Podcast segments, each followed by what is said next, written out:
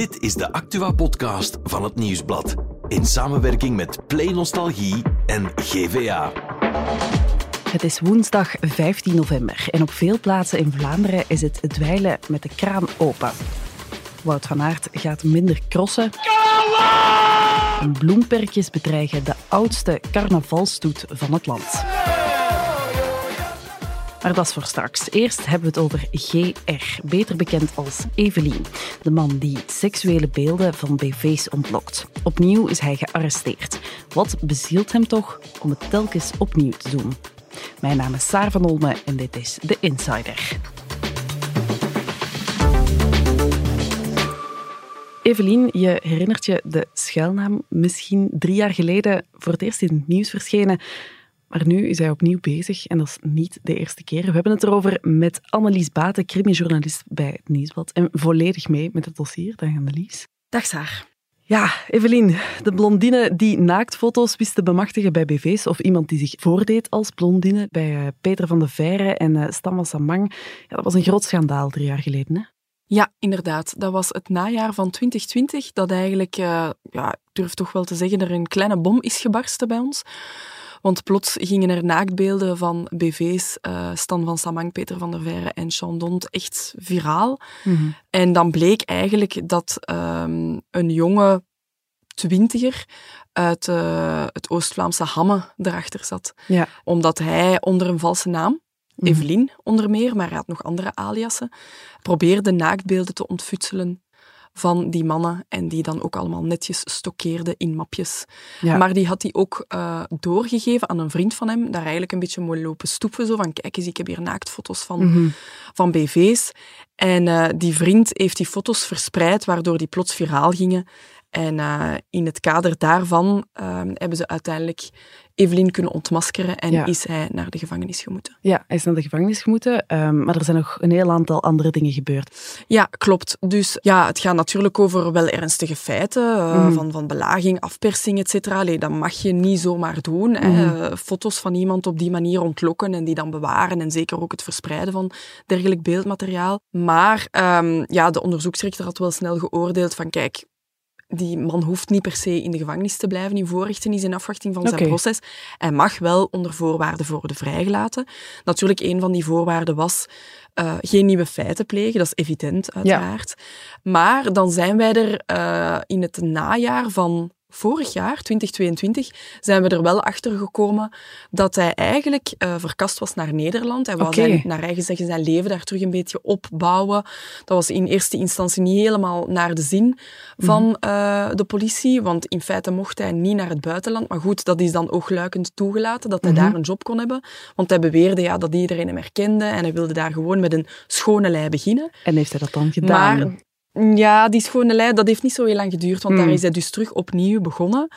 Wij hebben dat toen uh, uitgebracht, ook met onze krant, dat hij uh, dus in een Nederlands hotel ook terug uh, mensen onder een valse naam, dit keer Ariana, mm Mhm. -hmm. ook weer een hele mooie vrouw, benaderd had en op die manier beeldmateriaal had proberen te ontlokken. En op basis daarvan um, ja, is politie hem dan terug gaan oppakken. Mm -hmm. Ze hebben ook opnieuw computers doorzocht. En effectief, wat bleek dan? Dat hij opnieuw begonnen was. En is hij dus terug naar de gevangenis gevlogen. En, In ja, Nederland dan? Of, uh, nee, nee, nee. ze hebben hem hier naar België gehaald. En de onderzoeksrechter heeft dan beslist van... Oh ja, kijk, voorwaarden geschonden, opnieuw feiten gepleegd. Terug naar de gevangenis. Daar is hij in maart van dit jaar is hij terug vrijgelaten. Mm -hmm. Maar hij bleek toch wel zeer hardleers te zijn, want Ja. hij is dus opnieuw begonnen, waardoor hij dus nu voor de derde keer terug naar de cel is gevlogen. En dat was uh, gisteren. Oké. Hij is dus in het weekend terug opgepakt en gisteren is hij terug naar de gevangenis gevlogen. Nu, dat hij opnieuw bezig is, dat was deze week wel heel duidelijk, want er was ook een artikel verschenen um, met een getuigenis van een bekende Vlaamse acteur. Die is uh, met zijn getuigenis naar jullie gekomen. Hè? Ja, klopt. We hebben die man kunnen spreken en uh, die stond er natuurlijk op uh, dat zijn anonimiteit gewaarborgd ja. bleef. Maar hij wist ons te vertellen dat hij uh, vier jaar geleden, dus net voordat de hele zaak bij ons aan het licht kwam, ook benaderd is door Oké. Evelien. Door destijds ook zijn, zijn valse profielen van die Australische blondine. En uh, hij wist ons te zeggen dat hij nogal handig is met computers en zo'n dingen wel makkelijk doorprikt. Mm. En dus hij had eigenlijk onmiddellijk door van, ah ja, dat gaat hier toch wel over een vals profiel. Hij had ook gezien dat hij heel veel BV's ook volgde. Uh, heeft dan eigenlijk nog BV-collega's uh, gewaarschuwd van, kijk, let op, want dat gaat om catfishing. Die probeert je beelden te ontlokken. Zeker niet op ingaan. Een waarschuwing die niet echt bij Peter van der Veeren of Stam Samang is geraakt dan? Nee, helaas niet, denk okay. ik. Um, maar alleszins, hij heeft wel geprobeerd om hen nog te waarschuwen. Mm. Zelf is hij er nooit ingetrapt, dus hij is in feite zelf geen slachtoffer geworden okay. van Evelien. Maar um, het toeval wil uh, dat hij uh, begin van vorige maand, dus begin oktober, kreeg hij plots terug berichtjes. Via Instagram okay. werd hij opnieuw gecontacteerd. Terug door ja, hij zegt er bestaat geen twijfel over dat is hem terug. Want de openingszinnen waren echt hetzelfde. Zoals, hey, hoi, uh, stoort het dat ik u uh, een berichtje stuur? Uh, jij bent wel een hele klappe man, maar dat zal u wel al vaker gehoord hebben. Hmm. Dus zo eigenlijk, het ja, zo smooth en onmiddellijk zo een beetje in verleidingsmodus komen. En blijkbaar waren dat dezelfde openingszinnetjes als okay. vier jaar geleden. Dus voor hem was er geen twijfel mogelijk. Ja, het ging terug over Evelien. Dit keer noemde hij zich Laura. Um, ja, hij zegt, ik kan dat natuurlijk niet zwart op wit bewijzen dat hij dat is, maar, maar ik zag ook dat, het, dat het profiel ook opnieuw BV's volgde. En ook opmerkelijk, 15 eh, oktober hebben ze de laatste keer een chat uitgewisseld. Allee, hebben ze de laatste keer gechat. En um, nadien heeft hij ook gezien dat het profiel offline is gegaan. Dus hij kan ze ook niet meer terugvinden. Ja, want hoe heeft hij dat dan aangepakt? Is hij daar dan mee naar de politie gestapt? Of hij heeft dat, gemeld aan de politie, okay. inderdaad. Hij heeft ook verwezen naar de zaak Evelien en heeft gezegd, kijk, ik denk dat zij terug opnieuw bezig is, dus uh, ik wil dat hier even signaleren aan Save on Web. En hij heeft dan ook melding gekregen dat zij dat verder gingen onderzoeken. Hij is die foto's van die vrouw, want dat ging weer om een hele mooie wulpse dame, roodharige mm -hmm. in dit geval nu. Ook uh, niet echt uh, weinig verhullende mm. foto's. En uh, hij heeft ook um, via Google Image eigenlijk de, de, de originele beelden kunnen terugvinden. Ah, en dat zou nu gaan over een jonge vrouw uit North Dakota. Uh, dus ook weer een Amerikaanse, heel ver van hier. Ja, want dat is van inderdaad foto's wel, zou gepikt hebben. Want dat is inderdaad wel de manier waarop hij altijd te werk ging. Ja. Hij gebruikte foto's van meisjes uit het buitenland, hè? Ja, klopt de, de foto die hem in, bij de zaak Evelien heeft gebruikt, dat ging dan over een Australisch model. Eh, de tweede foto, de Ariana, was dan een Amerikaanse. Dus het zijn eigenlijk altijd ja, geen, geen meisjes van hier. Om zo dan niet ontmaskerd te worden. Ja, dat klopt. We hebben het nu de hele tijd over Evelien, maar vooral de duidelijkheid, die man heeft ook een naam. We gaan zijn initialen noemen, GR. En uh, een jonge man van 30, hè? Uit Hamme. Uit Hamme. Vlaanderen, klopt, ja. Het leek aanvankelijk te gaan om een uit de hand gelopen studentengrap, maar nu blijkt het wel te gaan om iemand die dwangmatig te werk ging. Hè. Kunnen we in zijn hoofd kijken?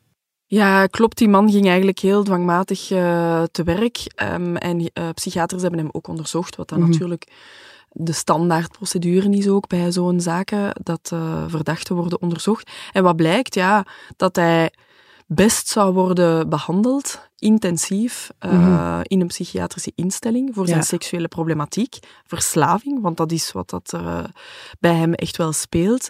En dat um, dat dus niet in een gevangenis thuis hoort? In principe niet, nee. Mm -hmm. Het lijkt mij dat het enige voordeel van de gevangenis is dat hij daar uh, amper toegang heeft tot het internet. Want het is nu ook gebleken dat van zodra dat je die man een computer geeft, dat hij het uh, toch niet kan laten om er terug mee aan de slag te gaan.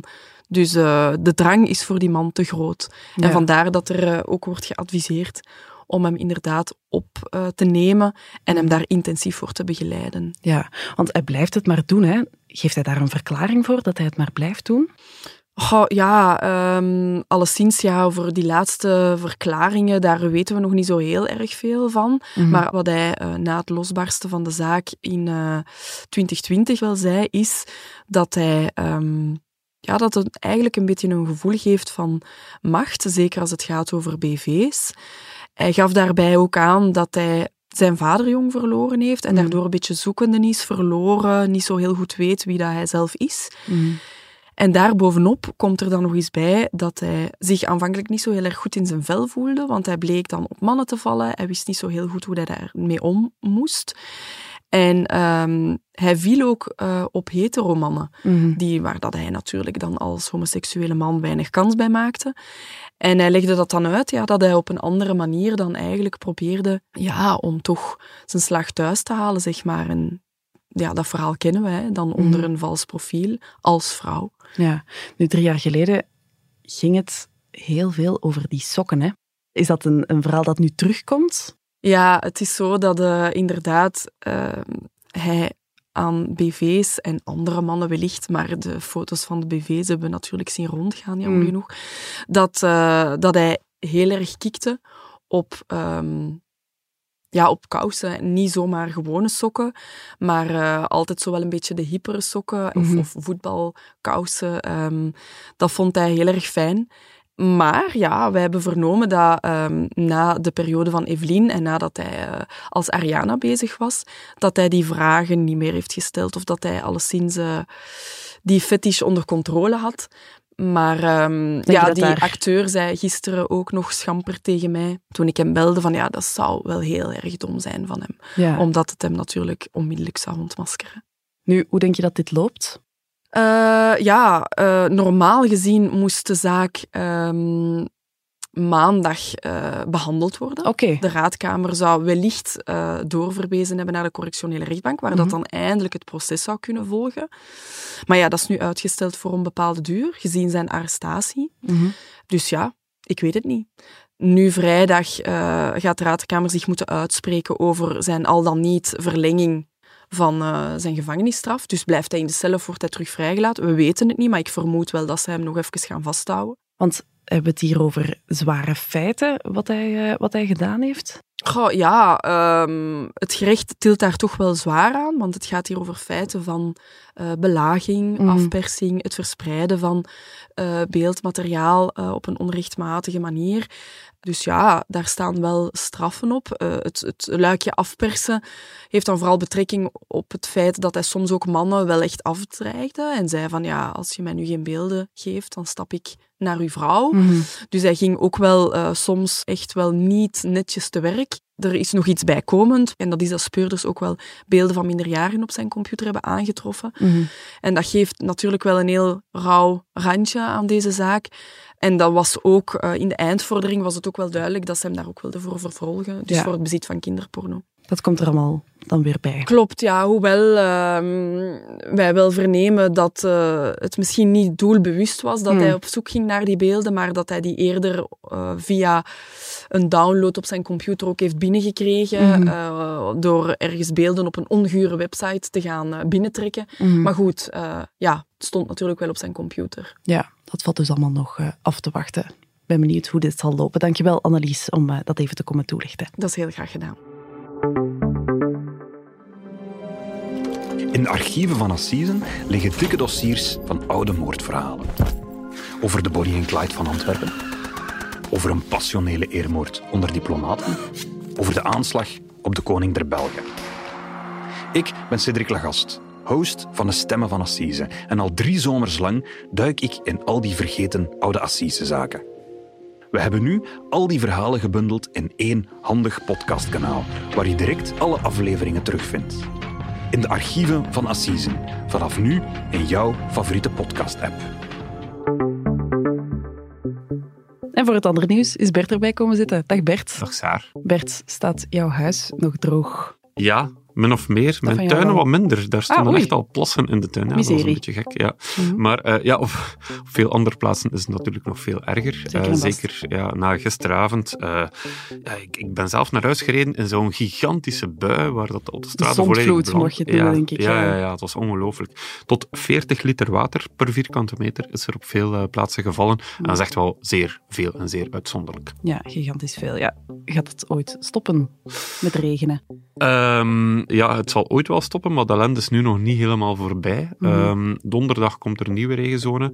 Zaterdag ook nog één, zei onze weerman Frank de Bozere. Eh, en het is pas richting volgende week dat er misschien een beetje beterschap is. Dus het is nog even, ja, dweilen met de kraan open. Ja. Van ondergelopen weilanden gaan we dan naar het eh, veld rijden. Hè? Heel schoon brugje. Ja. Want we lazen gisteren dat Wout van Aert dat hij minder gaat crossen. Ja. Wat is er aan de hand? Ja, voor het fans misschien eh, jammer nieuws. Droevig, ja. ja. ja. Vorig jaar reed hij nog 14 crossen. Nu staan er acht, misschien tien op zijn programma, waarschijnlijk Mhm. acht. Wat niet zoveel is voor hem. En vooral, hij gaat het WK en het BK niet rijden dit En jaar. waarom Ja. gaat hij dat niet doen? Wel, hij wil zich vooral wat meer focussen op de weg. Eh, het is al een paar jaar zo dat, ja, natuurlijk, hij wil eens de Ronde van Vlaanderen of Parijs-Roubaix winnen. En dan wordt er altijd gekeken van, crost hij niet te veel in de winter en Ah, ja, bekoopt hij dat dan niet op dat moment. Maar vooral, en dat wordt nog niet volledig uitgesproken, maar toch tussen de lijnen al heel hard, Mhm. ehm, hij gaat de Giro rijden dit jaar. Oké, En hij zou daar misschien voor een klassement gaan, oké. voor de eerste keer. Ja. Dus ja, dat is allemaal wel wat spannend. Ja, ik eh, hoor hier dat jij voormalig wielerreporter bent. Ja, Vind je dat een goed idee? ik vind dat een topidee. Ja? Ja. Vertel. Omdat hij, ja, hij gaat altijd eh, met minder druk starten in de Giro. Hmm. Ehm, en door ook van de Giro een doel te maken, gaat hij ook ehm, met minder druk starten in de klassiekers. Dan is er niet Hmm. één of twee wedstrijden dat hij absoluut moet winnen. Ja, die stress En ja, van die vorig crossen, jaar. Voilà. Ja, en die crossen heeft hij toch allemaal al gewonnen. Hmm. Eh, dus ik vind het fantastisch dat hij eens iets nieuws probeert. Oké, spannend voor Wout dus. Dan gaan we nog even naar Herenthout, want daar wordt de oudste carnavalstoet van het land bedreigd in zijn voortbestaan. Ja, het Help. gaat over Peerstoet. Peerstoet, ik heb er nog nooit van gehoord, Bert. Sinds 1892 lopen ze daar met carnaval door de straten. Wat is er nu gebeurd, Saar? Ze hebben in die straten in het centrum overal bloemperkjes gezet. Oei, Ja, met paaltjes rond. Verkeersremmers. Goed, Een zou ik denken, doel. ja. maar ja, zeggen die mannen van Herenthout. Hoe kunnen onze wagens, onze praalwagens hier nog door? paniek. Paniek. Overal nu, de, ehm, de schepenen hebben gezegd, ja, maar ja, die gaan er nog wel door kunnen. Er kunnen ook tractoren door en zo verder. Maar ze zijn er toch niet helemaal gerust op. Want ja, zo'n praalwagen, dat manoeuvreert ook niet zo gemakkelijk. Hè? Dat is waar. Ja. Ja, dat valt nog even af te wachten dus. Ja, het is bang afwachten. Bang afwachten Ja. voor, eh voor Herenthout. Dankjewel Bert om dat hier even te komen toelichten. Dan zijn we er morgen weer met een nieuwe Insider.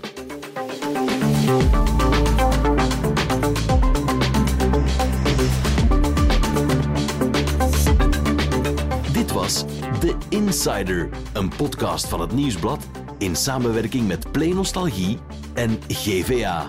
De muziek is van Pieter Santens. De montage gebeurde door House of Media. Wil je reageren?